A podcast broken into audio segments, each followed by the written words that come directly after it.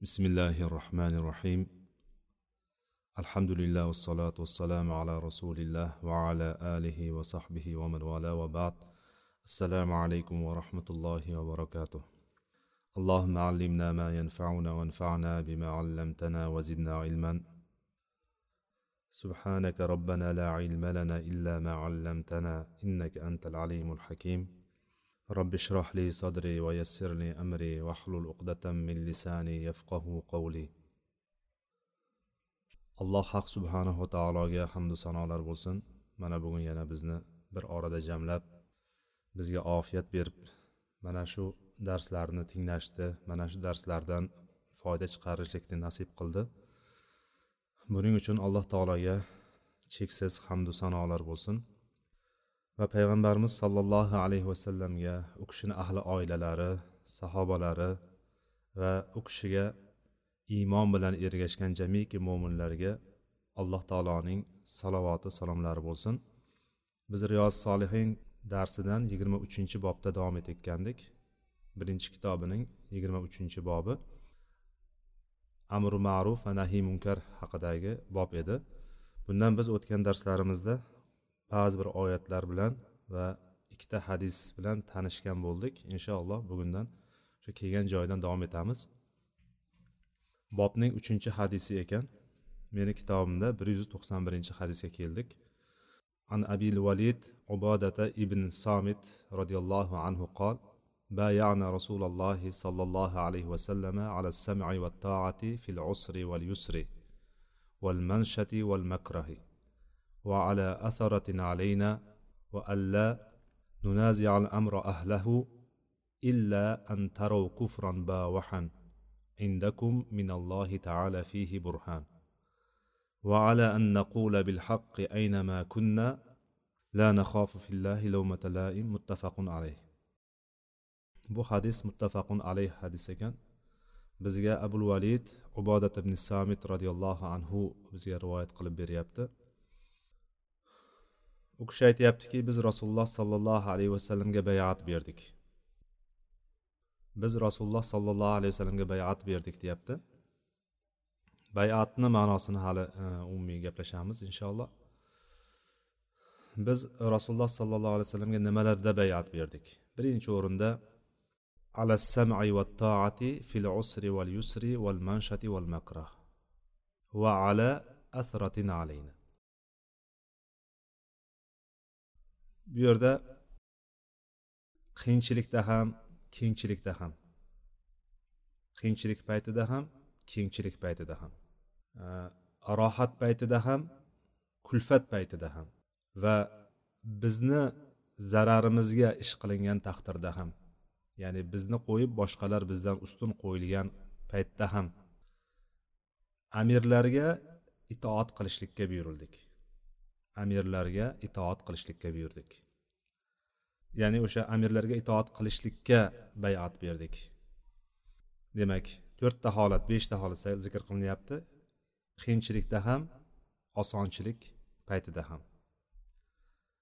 Ya'ni kengchilik paytida ham torchilik paytida ham. Yoki rohat paytida ham va kulfat paytida ham va bizni boshqalar bizni zararimizga ish qilingan taqdirda ham. Valiylarga voliylarga amirlarga itoat qilishlikka va ularga qarshi chiqmaslikka bayat berdik. Ularga qarshi chiqmaslikka bayat berdik. Magaram bitta holat bo'lsagina ularga qarshi chiqishlikka bizga ruxsat berildi o'sha bayat asnosida. U ham bo'lsa ularda bir ochiq bir kufrni ko'radigan bo'lsak.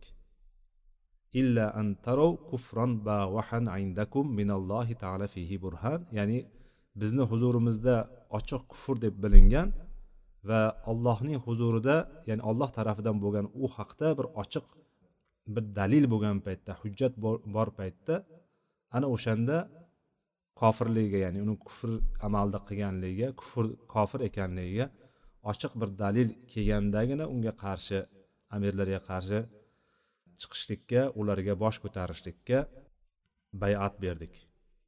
Va yana bayatni davomida bo'lsa va alla va an naqula bil haqqi aynama kunna la nakhafu fillahi lawmata laim va bayatni ikkinchi tarafi birinchi tarafi demak voliylarga qaratilgan bo'lsa amirlarga qaratilgan bo'lsa ikkinchi tarafi bayatda. Va qayerda bo'lsak ham malomatchining malomatidan hech qo'rqmagan holatda ya'ni allohni yo'lida haqni yetkazishlik haqni aytishlikka qayerda bo'lsak ham qanday holatda bo'lsak ham haqni aytishlikka va bunda malomatchining malomatidan qo'rqmasdan haqni aytishlikka bayat berdik. Mana shu hadis ekan muttafaqun alayhi hadis. Bu yerda muallif rahimaulloh uboda ibn somit roziyallohu anhuni keltirdi. Uboda ibn somit e, abul valid deb turib kunyasi bilan tanilgan hazraj qabilasidan bo'lgan ya'ni bu ansorlardan bo'lgan sahoba. Uboda ibn somit roziyallohu anhu. Bu kishi o'ziga xos taraflari boshqa sahobalardan ustunlik taraflari desak ham bo'ladi fazilatlari birinchi va ikkinchi aqaba bayatlarida ishtirok etgan. Birinchisida ham ikkinchisida ham. Payg'ambar sallallohu alayhi vasallamga kelib turib hali o'sha payg'ambarimiz hijrat qilishdan oldin payg'ambarimizni himoyasiga olamiz sizni himoya qilamiz o'zimizni yurtimizga olib ketamiz. Kelgan muhojirlarni o'zimizga qabul qilamiz va islom dinini rivojlantirishga uni himoya qilishlikka uni payg'ambarni o'zimizni huzurimizga olishlikka bayat beramiz deb turib bayat berilgan paytlarda mana shu eng katta bayatlar aqaba bayatlarida ishtirok etganlar bu kishi aqaba bayatida ishtirok etgan. Birinchisida ham ikkinchisida ham. Payg'ambarimiz sollallohu alayhi vasallam hijratdan hijrat qilib kelganlaridan keyin ilk yillarda sahobalardagi ehtiyojlariga qarab turib ansor muhojirlar o'rtasini bilamiz aka uka tutintirib qo'ydilar. Aka uka tutintirib qo'ydilar. Bu kishi abul marsad al g'anaviy degan kishi bilan muhojirlardan bo'lgan abul marsad al g'anaviy bilan bu kishi ikkalasini payg'ambarimiz sollallohu alayhi vasallam aka uka tutintirib qo'yganlar. Payg'ambarimiz sollallohu alayhi vasallam bilan boshda badr uhud handaq g'azotlari bo'lgan holatda hamma g'azotlarda ishtirok etgan payg'ambarimiz bilan payg'ambarimiz ishtirok etgan butun jihodlarda hammasida payg'ambarimiz sollallohu alayhi vasallam ishtirok etgan sahoba hisoblanadi. Ya'ni biz oldin sahobalar haqida umumiy gapirganimizda sahobalarni fazilatlarini umuman gaplashgandik boshqa darslarda ham sahobalarni sifatlarini sanaganimizda ularni ketma ketligi bor edi.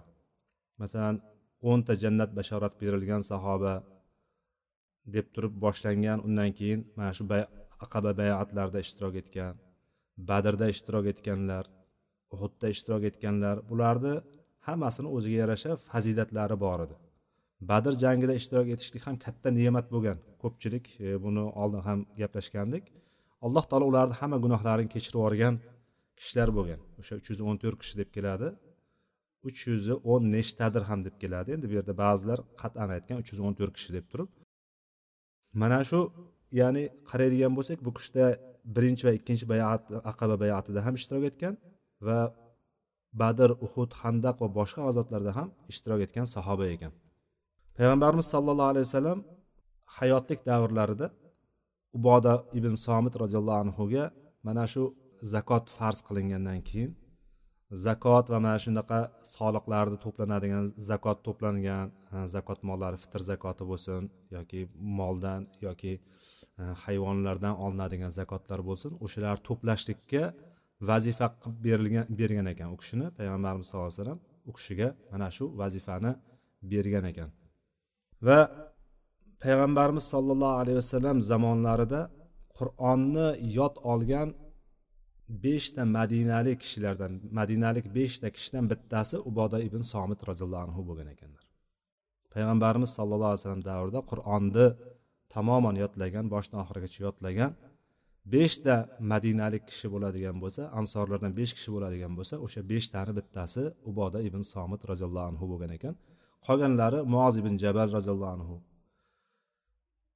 ubay ibn kab roziyallohu anhu abu ayyub al ansoriy roziyallohu anhu va abu dardo roziyallohu anhular mana bu kishilar qolgan to'rttasi. Beshinchisi uboda ibn somit roziyallohu anhu ekanlar. Uboda roziyallohu anhu suffa ahliga qur'onni o'rgatishlik bilan vazifalantirilgan kishi kishilardan bittasi bo'lgan. Suffa ahlini bilamiz yetmish saksonta orasidagi sahobalar bo'lgan. Ularni uy joyi boradigan e, joyi oilasi bo'lmaganligi uchun muhojirlar bo'lgan asosan. Masjidni bir chetida payg'ambarimiz sallallohu alayhi vasallam masjidlarini bir chetida o'sha suffa degan joy bo'lgan o'sha yerda yashab o'sha yerda qolishgan ular. Namozlarda bo'lgan qorni to'ygandan keyin ular chiqib turib asosan ilm bilan mashg'ul bo'lishgan jihod bo'ladi desa jihodga borishgan. Asosan ular mana shulardan bo'lgan va abu hurayrani ham bir eslatib o'tgandik. Abu hurayra roziyallohu anhu ham ahli suffadan bo'lgan. O'sha ahli suffada qolib men qornim to'ysa yetarli edi. Ya'ni qornim to'ysa bo'ldi edi. Payg'ambar sallallohu alayhi vasallamni oldidan darslaridan u kishini atrofidan aytgan gaplaridan qayerda bo'lsa qolmasdan payg'ambarimni yonida yurardim deb aytadi. O'zi e, payg'ambarimizni yonida uch yillar atrofida yurgan abu hurayra roziyallohu anhu. Uboda roziyallohu anhu uboda ibn somit roziyallohu anhu mana shu suffa ahliga suffada qoladigan kishilarga qur'onni o'rgatishlik vazifasi bilan vazifalantirilgan kishi ekan. Va falastinga qozi qilib yuborilgan sahoba bo'lgan ekan bu kishi. Keyinchalik allohu alam umar roziyallohu anhu davrida bo'lishi kerak. Falastinga ya'ni shomda falastinga qozi qilib yuborilgan birinchi sahoba uboda ibn somit roziyallohu anhu bo'ladi ekanlar. Payg'ambarimiz sollallohu alayhi vasallamdan bir yuz sakson bir hadis rivoyat etgan ekan. bir yuz sakson bitta hadis rivoyat etgan ekan va o'ttiz to'rtinchi hijriyda bu milodiy hisobda olti yuz ellik to'rtinchi yilda ramla degan joyda yetmish ikki yoshda vafot etadi ekan. Alloh bu kishidan rozi bo'lsin. Bu kishini aytib bergan hadislarini yuqorida ya'ni aytib berdi bu marfu ya'ni payg'ambarimiz sallallohu alayhi vasallam ko'tariladigan bevosita payg'ambarimizga ya'ni payg'ambarimizni gaplari kelmayapti bu yerda lekin bu kishi rivoyat qilib beryapti. Payg'ambarimiz sallallohu alayhi vasallamga biz bayat berdik deb turib o'sha yerda asosan bu yerda to'xtalayotgan narsalar nima bo'ldi? Voliylarga ya'ni musulmonlarni ichidagi amirlarga itoat haqida itoatda qanaqa holatlarda itoat qilinadi? Mana shular haqida umumiy tarzda bayat berganligini bayon qildi. Bayat berishlik degani bir narsani ustida ahd berishlik. Kelib turib payg'ambar sallallohu alayhi vasallamga qo'lini tutib turib men sizga mana shu mana mana shu narsalarda itoat qilishlikka mana shularni hammasini bajarishlikka men sizga ahd beraman deb turib qo'l berib turib va'da berishlikni bayat deyiladi. Ayollar kelib bayat bergan paytda payg'ambarimiz sallallohu alayhi vasallamga yuzma yuz bayat berishgan qo'l berib emas yuzma yuz bayat berishgan so'z so'z bilan bayat berishgan. Erkaklar bo'ladigan bo'lsa ham so'z ham qo'l berib turib bayat berishgan. Mana shu bayatlardan birida uboda ibn somit roziyallohu anhu aytyapti balki bu e, o'sha aqaba bayatlarida bo'lgandir e, balki undan keyin boshqa bir bayat bo'lgandir. Bu xullas bu yerda biz bayat berdik degandan ko'proq allohu alam shu aqaba bayatidagi holat bo'lishligi mumkin. Ikkinchi aqaba bayatidagi. Qanday bo'lganda ham bu yerda shu bayat berganligini zikr qilyapti va amirlarga itoat qilishlik haqida aytyapti. Itoat qilishlik faqatgina bemalol bo'lib yurgan paytda amirlar voliylar hokimlar musulmon hokimlar hamma joyni yayratib qo'ygan paytda to'kin sochinlik bo'lib turgan paytda xalqqa hamma narsani aytganini qilib berib turgan paytdagina itoat qilib sal torchilik bo'lib tangchilik bo'lib qoladigan bo'lsa sal krizis bo'lib qoladigan bo'lsa bo'hron bo'lib turib sal krizisga uchrab qolib e, qahatchilik yillari kelib qoladigan bo'lsa yoki ba'zan ba'zi bir narsalarni oyliklarni maoshlarni vaqtida bermay qoladigan bo'lsa unga birpasda bosh ko'tarishlik kerakmi yo'qmi? Mana shu yerda qisqacha payg'ambarimiz sollallohu alayhi vasallam bizga tavsiya qilyapti. Bu tavsiyani sahobalardan olgan bu bayatni olganligi bu butun ummatga boshqa bir joylarda ham keladi. O'sha hadislar bilan jamlaydigan bo'lsak ish boshliqlarimizga musulmonlardan bo'lgan voliylariga amirlarga hokimlarga itoat qilishlikni vojibligi kelib chiqadi. Lekin itoat qilishlikni vojibligi oldin ham ko'p to'xtaganmiz qisqacha qilib aytib o'tib ketamiz. Ma'rufdagina itoat qilinadi. Ma'ruf deganimiz yaxshi ishlardagina. Ya'ni islomga teskari bo'lmagan ishlarda islomga muvofiq bo'lgan ishlarda shariatga muvofiq bo'lgan ishlardagina biz ularga itoat qilamiz. Bo'lmasam itoat eng yuqori o'ringa qo'yilgan joy ota onaga itoat qilishlikni alloh taolo ota onaga itoat qilishlikni o'ziga itoat qilishlikni yonma yon zikr qilganlarni ichida eng tepasida eng oldida ota ona keladi. Alloh o'ziga itoat qilishlikni yoniga va o'ziga shukur qilishlikni yoniga ota onaga shukur qilishlikni ota onaga itoat qilishlikni yonma yon keltiradi. Lekin shuni orqasidan ham agar ular seni sen bilmagan o'zing bilmagan narsaga ya'ni alloh taologa shirk keltirishlikka buyuradigan bo'lsa ularga itoat qilmagin deb keladi. Ya'ni shu bilan biz bilamizki bu narsa ochiq oydin. Ya'ni itoat qilishlik kerak ekan deb turib hamma narsaga itoat qilishlik emas o'zini bir doirasi bo'ladi. Bir safar payg'ambar sallallohu alayhi vasallam bir guruh insonlarni ya'ni sariya qilib jo'natdi. Sariyani bilamiz payg'ambarimiz sallallohu alayhi vasallam o'zi ishtirok etmagan. Bir askar guruhini jo'natishligi biron bir joyga biron bir vazifa bilan ma'lumot olib kelishlik uchun yoki borib turib jihod qilib kelishlik uchun mana shunga o'xshagan narsalarga jo'natishligini sariya deydi. Bir sariya jo'natdi. Bu sariyaga bir kishini amir qildi. Ichidan bittasini amir qildi. Ular shu bir joyga borganda keyin bular amirga itoat qilishlikni bilardi. Amirga itoat qilishlik nima ekanligini bular yaxshi o'rgatib qo'ygandi payg'ambar sallallohu alayhi vasallam amirga itoat qilishlik nima ekanligini. Shunda bu bir sinayman dedida bir gulxan yoqdi. Gulxan yoqilgan paytda aytdiki men sizlarga buyuraman mana shu yerga o'zlaringni otasizlar dedi.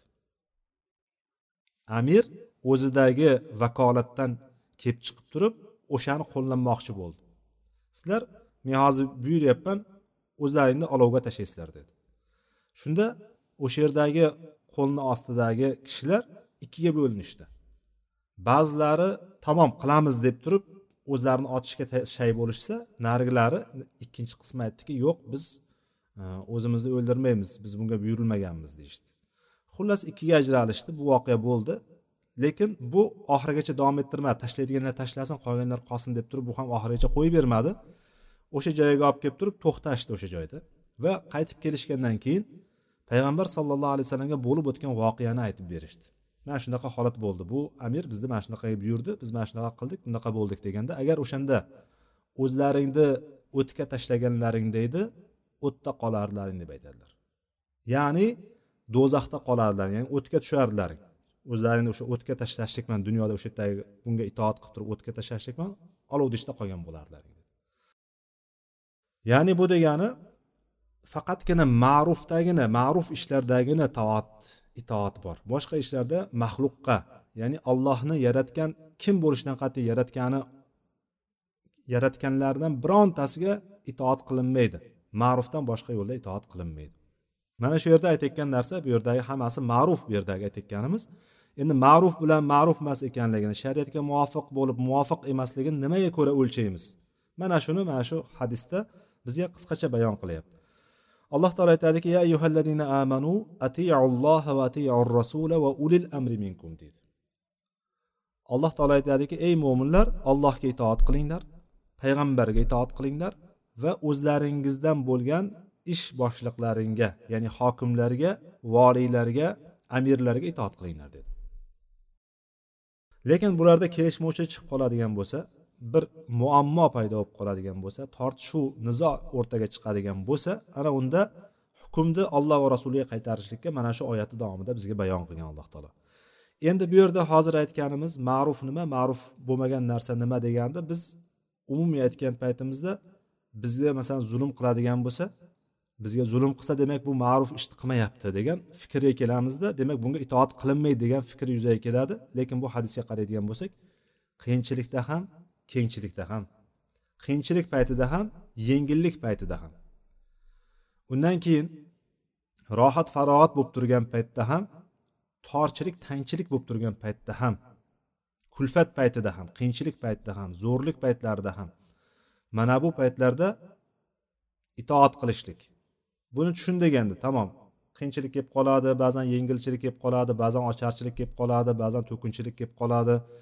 Bu narsa tabiiy ofatlar bo'lishligi mumkin oyliklar vaqtida chiqmay qolishligi mumkin. Bular bular mayli endi bular. Bu narsaga tushunarli. Endi ikkinchi tarafi bor va ala asaratin alayna agar bizni haqqimiz urib qolinganda ham ya'ni bizni zararimizga hukm qilinganda ham bizni zararimizga ish ko'rilganda ham bizni qo'yib boshqalar bizdan ustun qilingan paytda ham. Mana bu biz ko'ramiz buni ochiq zulm deymiz biz hozir. To'g'ri zulm. Agar bizni qo'yib turib biz haqli bo'lib turgan holatda masalan biz haqli bo'lsakda yonimizda boshqasini bizdan ko'ra haqliroq deb turib unga ko'proq muomala ko'riladigan bo'lsa yaxshiroq muomala qilinadigan bo'lsa va bu bir safar emas takror takror qilinadigan bo'lsa bu bilan nima deymiz? Biz hozir bir pasda ovozimiz yuksalib yo bo'lmasam birpasda shikoyatlar boshqalar ko'payib ketib qoladi. Lekin amirlarga itoat qilishlikda agar u mo'min amir bo'ladigan bo'lsa hozir davomida aytamiz uni. Hatto bizni foydamiz urib qolinsa ham bizni zararimizga hukm qilinsa ham itoat qilishligimiz kerak ekan va ularga qarshi chiqmasligimiz kerak. Ya'ni ularga qarshi chiqmaslik deganimiz ularni o'tirgan mansablariga da'vogar bo'lmasligimiz kerak. Alla nunazial amro ahlahu ya'ni ishni o'zini ahlidan ya'ni voliylaridan o'shalarga ish voliylariga qarshi bosh ko'tarishlikdan biz qaytarildik. Bittagina sharti bor bittagina. Birdan bir sharti u ham bo'lsa ularda ochiq bir kufrni ko'rishligimiz kerak. Bu kufrni biz bilishimiz kerak. Bu kufr meni o'ylashimcha mana shu kufr bo'lishligi kerak degan narsa emas. Bu ochiq aniq alloh tarafidan bo'lgan bir burhon deganimiz ochiq dalolat qiladigan hujjat. Hamma ko'ra oladigan hujjat bilan kufrligi ma'lum bo'lishligi kerak. Uning uchun bizda o'sha bir kishini kufrligiga yetarli ya'ni kufr amal ekanligiga bu kufr ish ekanligiga yetarlicha ilmimiz bo'lishligi kerak o'shanga bir e, dalilimiz bo'lishligi kerak va o'shanga qarshi chiqayotgan paytimizda o'zini bir qancha shartlari bor. Uni birdaniga biz bo'ldimi tamom ish bitdi degani emas.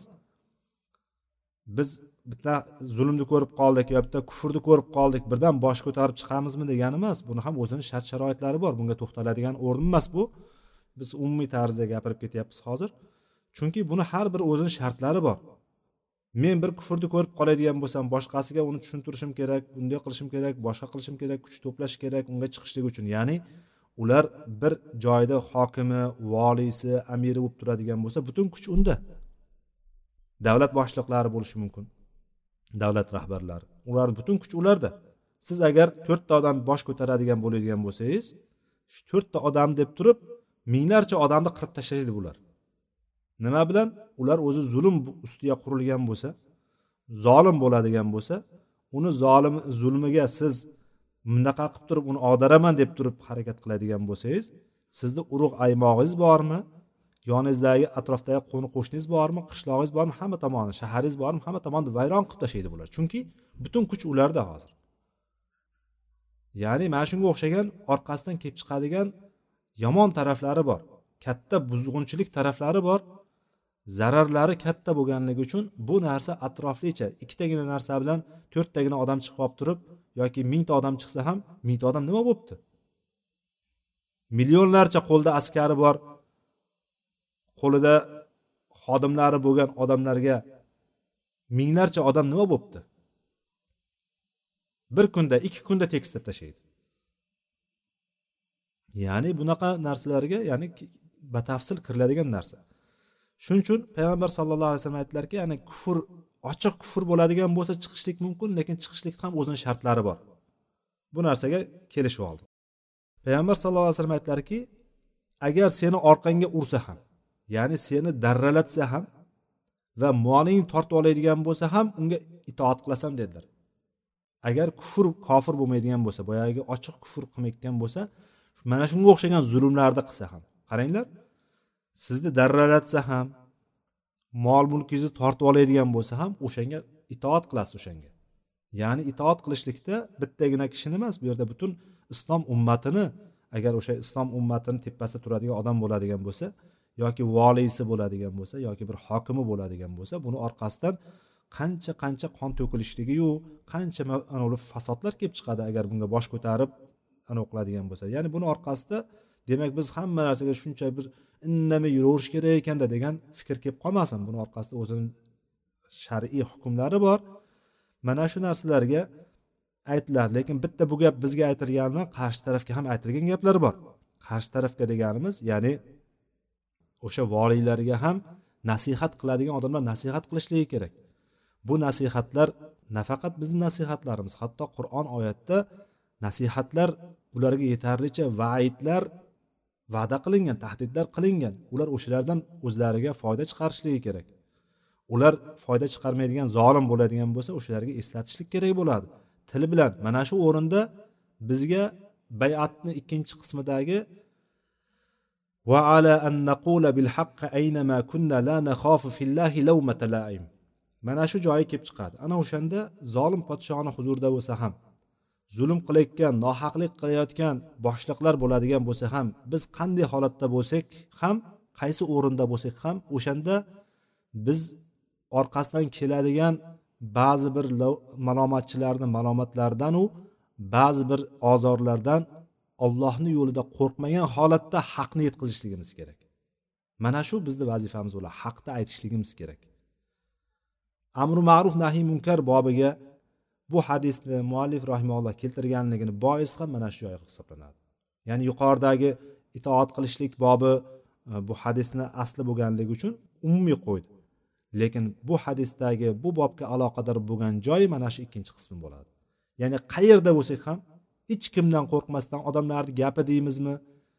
Odamlar gapiradi bunisi unday deydi bunisi bunday deydi hatto sizga ozorlar yetadi. Mana bu holatlarga ham hech kimga qaramasdan turib haq kalimani aytishligimiz kerak. Haq deganimizda dinni dinda bor narsani yetkazishligimiz kerak. Men o'zimcha bilib olgan haqni haq ekan bu deb turib yetkazaverishligim xato bo'ladi bu narsa. O'zimcha bilib olgan men to'g'riman deb turib davo bilan ketayotgan narsa. Biz davo emas biz haq ekanligini ochiq oydin bilishligimiz kerak. Payg'ambar sallallohu alayhi vasallamdan bir hadis keladi. Mana ikkinchi tarafga boyagi voliylarga amirlarga nasihat bobidan keladigan. Payg'ambarimiz sallallohu alayhi vasallam aytdilarki duo qildilar. Duo qildilar. Ey olloh kim mening ummatimdagi mening ummatimni boshiga biron bir narsada ya'ni biron bir ishda voliy bo'ladigan bo'lsada o'shalarni boshida bir boshqaruvchi rahbar bo'ladigan bo'lsada keyin ularga qiyinchilik mashaqqat tug'diradigan bo'lsa ularni qiynaydigan bo'lsa allohim sen ularni qiynab qo'ygin dedilar. Ya'ni kim bir mana shu ummat ya'ni musulmonlarni ustida uch kishini ustida bo'lsa ham ikki kishini ustida bo'ladigan bo'lsa oila rahbarlari bunga dohil qaynalalari bunga dohil erlar bunga dohil ayollar farzandlarini ustida turibdi bunga dohil. O'qituvchilar bunga dohil hamma bunga dohil. Ya'ni chunki payg'ambar sallallohu alayhi vasallam aytganlarki hammalaring sizlar o'zlaring har birlaring o'zlaringcha boshliqsizlar. Hamma boshliq hisoblanadi. Va boshliq qo'lini ostidagilardan albatta so'raladi deb aytilgan hadisda imom deb turib tepadan kelinadi. Eng boshidagi musulmonlar ustidagi amirlar qo'l ostidagi xalqidan javobgardir mas'uldir. Undan keyin pastga tushib boradi. Er oilasidan mas'uldir. Er oilasidan mas'ul javobgar oilasidan. Undan keyin ayollar ayollar ham mas'ul ayollar ham javobgar. Erini qo'lini ostida ya'ni erini mol mulkidan uydagi qo'lini ostidagi narsalardan hammasidan mas'uldir. Hatto xodimgacha keladi. Xodim xizmatchi. Xizmatchini biz qul deyishligimiz mumkin. O'sha qul ham o'ziga buyurilgan ishda u ham mas'ul hisoblanadi u ham javobgar hisoblanadi. O'shandan ertaga albatta so'raladi. Ertaga qiyomatda har birimiz so'ralamiz. Mana shuning uchun bu ummatni ustida biron bir narsada shay'an keldi kalima shay'an shay'an degani biron bir narsa. Bundan ko'rinadiki hatto xizmatchi ham javob beradi. Ayol farzandlaridan javob beradi. Erkak uydagi oilasidan javob beradi. Har bir kishi javob beradi. Qaynonalar kelinlaridan javob beradi. Mana shularni har bittasiga alloh taolo unga bir vazifa berib qo'ydimi? Uni rahbar qilib qo'ydimi? Rahbar qilib qo'ygandan keyin qo'lni ostidagilarga hukmi o'tadiganlarga kuchi yetadiganlarga boshqacha qilib aytaylik kuchi yetadiganlarga agar ular zulm qiladigan bo'lsa ularni mashaqqat tug'dirib qiyinchilik yaratadigan bo'lsa ularga qiyin qiladigan bo'lsa ey olloh sen qiyin qilgin dedilar. Payg'ambar sallallohu alayhi vasallam duosi bu. Payg'ambar sallallohu alayhi vasallam duosini ijobatligini bilamizmi? Payg'ambar sallallohu alayhi vasallam duolari ijobat. Endi kim mana shuni qilib turgan bo'lsa ertaga holati nima bo'lishligini o'zi bilib olaversin. Er oilasiga zulm butun zulm zaqqumni hammasini tottirayotgan bo'lsa. Albatta alloh taolo u erkakka o'sha narsani beradi. O'sha qiyinchilikni u ko'rmagan tarafdan u bilmagan tarafdan berib qo'yaveradi alloh taolo. Qaynonalar kelinlariga butun boshida hammasini tegirmonni toshini boshida aylantirib yotgan bo'lsa o'tirsang o'poq tursang so'poq deb turib qilgan ishini qilmading deb turib qissa chala qilding deb turib o'tirg'izmasdan butun hamma narsani ustiga qiyinchiliklarni yaratib turgan bo'lsa alloh taolo uni ham boshiga qiyinchiliklarni keltirib qo'yadi lekin bu qiyinchilikni u ko'rolmaydi shundan kelyapti deb bilmaydi hech qachon. U ertaga qabrga borganda alloh taolo hisob kitobni boshlatgan paytda ana o'shanda ko'radi bu narsani. Bu zulmlarni hammasi ertaga bitta bitta qolmay chiqadi. Muflis muflis deb keladi. Iflos bo'lgan degan mana turkchada ham iflos bo'ldi degan bankrotga uchradi degan. Muflis haqiqiy muflis kim dedilar payg'ambar sallallohu alayhi vasallam? Bilasizlarmi dedi sahobalar hamma narsasini qo'ldan boy bergan kishi bo'lsa kerak deyishdi. Ya'ni lug'aviy ma'nosidan kelib chiqib turib. Ya'ni inson qo'lidagi narsani yutqazib qo'ydi bankrotga kirdi degani mana shunaqa bo'lsa kerak deyishdi. Shunda haqiqiy muflis shunday bir kishiki qiyomatda tog'lar misolicha tog'lardek katta katta savoblar bilan keladi. Allohni huzuriga hisob kitob paytida tog'larcha amsalil jibal tog'lardek katta katta savoblar bilan keladi. Lekin qarab turibsizki bunisini so'kkan bunisini urgan bunisini molini tortib olgan xullas zulmni turfasini qilgan. Zulmda har turlisini qilgan. Tili bilan butun hamma zulmni qilib bo'lgan. G'iybatni qilgan chaqimchilikni qilgan urushgan so'kkan boshqa qilgan hamma tomoni bor. Yoki urgan boshqa qilgan hamma zulmlarni qilgan. Unisi keladi haqdor ya'ni zulmni dunyoda ko'rganlar ertaga meni haqqimni bersin deb turib keladi. Bu bunisini oladi o'zini haqqini oladi unisi buni haqqini oladi bunisi buni haqqini oladi. Oxirida tog'lar misolicha bo'lgan savoblar ham bitib tugaydi shuni e'tibor qilaylik. Tog'larcha bo'lgan savoblar ham bu zulmda qarshisida turolmaydi hech qaysi qolmay bitadi ketadi. Biz o'zimiz nafsimizga berilib turib men ham shunaqa kunlarni ko'rganman buni boshiga ham shu kunlarni solaman deb turib o'zimizni nafsimizni o'zimizni xohishimizni hammasini biz kelinlarni boshiga solishligimiz yoki kelinlar qaynonalarni boshiga solishlik. Yoki erlar xotinlarni xotinlar bo'ladigan bo'lsa bolalardan o'chini olishlik degan narsa. Bular narsalarda ertaga albatta javob bor bu narsani. Hamma narsani haddi oshgandan keyin albatta javobi bor. Mana shunday qolgandan keyin boyagini holatni qaranglar. Savobi tugab ketdi. Tog'lar misol savoblar tugab ketib qoladi. O'ylamang katta katta ishlar qilyapman deb turib bu yoqda xotirjam ba'zilarga zulm qilib turgan bo'lsangiz ertaga o'sha zulmlar bilan katta katta qilgan ishlaringiz yo'q bo'lib ketib qolishligi mumkin. Qo'rqish kerak bu narsadan allohdan. Biz hozir qo'rqib qo'rqib qoladigan bo'lsak hozir pushaymon bo'lib qoladigan bo'lsak qilgan xatolarimizdan o'sha bizni yutug'imiz. Ertaga pushaymon qilishligimiz hech qanaqa foyda bermaydi. Oxirgi pushaymon o'zingga dushman deydi. Oxirgi pushaymon o'zingga dushman. Ichimizda yeb qolaveramiz boshqa hech narsa qila olmaymiz. Eh qani edi shunday bo'lsa edi. Eh ollohim ertaga qanday meni qaytarsang edi o'sha hayotga qaytarsang edi bu ishlarni qilmasdim deymiz. Lekin vaqt o'tgan bo'ladi. Poyezd ketib bo'lgan bo'ladi. Biz qilishimiz mumkin bo'lgan ishlar o'tib ketib bo'lgan bo'ladi. Boyagini umuman savoblari tog'lar misolicha bo'lsa ham savoblar qolmaydi. Ana undan keyin kelganlarga qanday qilib beriladi? Endi kelganlarga javob zulmini haqqini qaytarib berishlik kerak. Qaytarib berayotgan paytda endi hech narsa qolmadimi? Endi boyagi kishi kelgan kishini gunohlari bunga yuklanadi.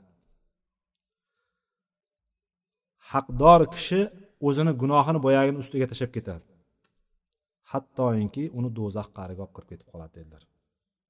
Boyagi kishi gunoh savoblar tog'lar misolcha savoblar bilan kelgan kishi oxir oqibat nima bo'lyapti? Gunohlarni yuklab turib do'zaxga kirib ketib qolyapti. Alloh hammamizni bundan saqlasin. Haqiqiy muflis mana shu kishi dedilar. Haqiqiy bankrotga uchragan kishi haqiqiy bankrotga uchrab qolgan kishi mana shu dedilar. Ya'ni boyagiday bitta ishni ustida amir bo'lib qoladigan bo'lsak bitta ish narsani ustida rahbar bo'lib qoladigan bo'lsak kimga biz mashaqqat tug'diradigan bo'lsak kimga qiyinchilik tug'diradigan bo'lsak kimga zulm qiladigan bo'lsak alloh taolo albatta shuni qilib qo'ysin deb turib payg'ambarimiz duo ibat qildilar. Duo qildilar o'shanga. Payg'ambar sallallohu alayhi vasallam duolari ijobat. Bu hadis imom muslimni hadislarida oysha roziyallohu anhudan kelgan hadis. Bu sahih hadis. Undan keyin hadisda payg'ambar sallallohu alayhi vasallam aytdilarki qaysi bir kishi qaysi bir amir hokim voliy rahbar musulmonlarni ustiga voliy bo'ladigan bo'lsayu ularni ustida g'am chekmaydigan bo'lsa ularni g'amini yemaydigan bo'lsa va ularga nasihat qilmaydigan bo'lsa ya'ni ularga nasihatni ravo ko'rmaydigan bo'lsa ular uchun jon kuydirmaydigan bo'lsa ular bilan birga jannatga kirmaydi dedilar. Ya'ni mo'minlar jannatga kiradi aslida mo'minlar jannatga kiradi iymon bilan jannatga kiradi inshaalloh. Mo'min ular bilan birga jannatga kirmaydi dedilar. Bu degani nima? Agar ularga voliy bo'lib turib ularni g'amini yemaydigan bo'lsa ular uchun jon kuydirmaydigan bo'lsa endi bularga jon kuydirmayapti ularni g'amini yemayapti ularga nasihat qilmayapti endi qanday qilib turib ular bilan birga jannatga bir joyga kirsin? Hadisda aytilyaptiki agar shunday qiladigan bo'lsa ular bilan birga jannatga kirmaydi dedilar. Bu maqil ibn yasor roziyallohu anhuning hadislarida imom muslimning rivoyatlarida kelyapti. Yana bir boshqa hadisda payg'ambar sallallohu alayhi vasallam aytdilarki qaysi bir bandaga alloh taolo bir qo'lni ostiga bir insonlarni berib qo'yadigan bo'lsa qo'l ostidagilarga boshliq qilib qo'yadigan bo'lsa boshqacharoq aytadigan bo'lsa kimlargadir boshliq qilib qo'yadigan bo'lsa alloh taolo rahbar qilib qo'yadigan bo'lsa va uni u ularga o'sha qo'lni ostidagilarga xiyonat qilgan holatda vafot etadigan bo'lsa o'ladigan bo'lsa xiyonat qilgan holatda vafot etadigan bo'lsa.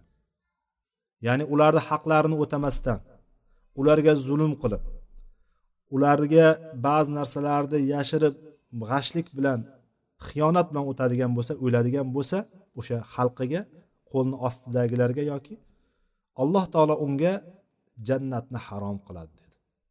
Bu hadis ham imom muslimning rivoyatlarida kelgan. Demak shuncha vaidlarni ko'rgandan keyin shuncha vaidlarni eshitgandan keyin shuncha narsalarni biladigan musulmon rahbarlar shu narsalarni qila oladimi degan savol tug'iladi. Shu ya'ni xalqiga nisbatan zulm xiyonat degan narsani qiladimi degan savol tug'iladi. Allohu alam qilmaydi agar shu narsalarni biladigan bo'lsa. Demak kim qilayotgan bo'lsa shunaqa narsalarni mana bu hadislarni haqiqatini bilmaydi. Eshitgan bo'lsa ham qalbiga yetib bormagan. Bu narsani yetkazishlik bizni vazifamiz bo'ladi. Yetkaza oladigan bo'lsak ana o'shani malomatchining malomatidan zolimning zulmidan odamlarning gapidan qo'rqmagan holatda faqat allohdangina qo'rqqan holatda haqni yetkazadigan bo'lsak mana bu narsa bizni mana shu hadisdan oladigan foydamiz bo'ladi. Va hadisda aytiladiki shahidlarning eng oliy martabadagilari kimlar deganda shahidlarning eng oliy martabadagilari shahidlarning sayyidlari kimlar deganda mana shu zolim podshoni huzurida zolim rahbarni huzurida haqni aytadida o'sha haqni aytgani uchun zolim uni o'ldirib yuboradi. Mana shu kishi shahidlarni sayyidlari bilan barobar bo'ladi. Haq kalimani aytishlik qanchalik katta narsa ekanligini ko'ryapmiz. Amri ma'ruf nahiy munkarni nima ekanligini mana shundan ko'ryapmiz. Ya'ni amri ma'ruf nahiy munkar jihod bu. To'g'ri jihodni eng kattasi qilich bilan qurol bilan jihod qilishlik lekin amri ma'ruf nahiy munkar o'zini yo'lida jihod bu. Hech qachon to'xtamaydigan jihod bu.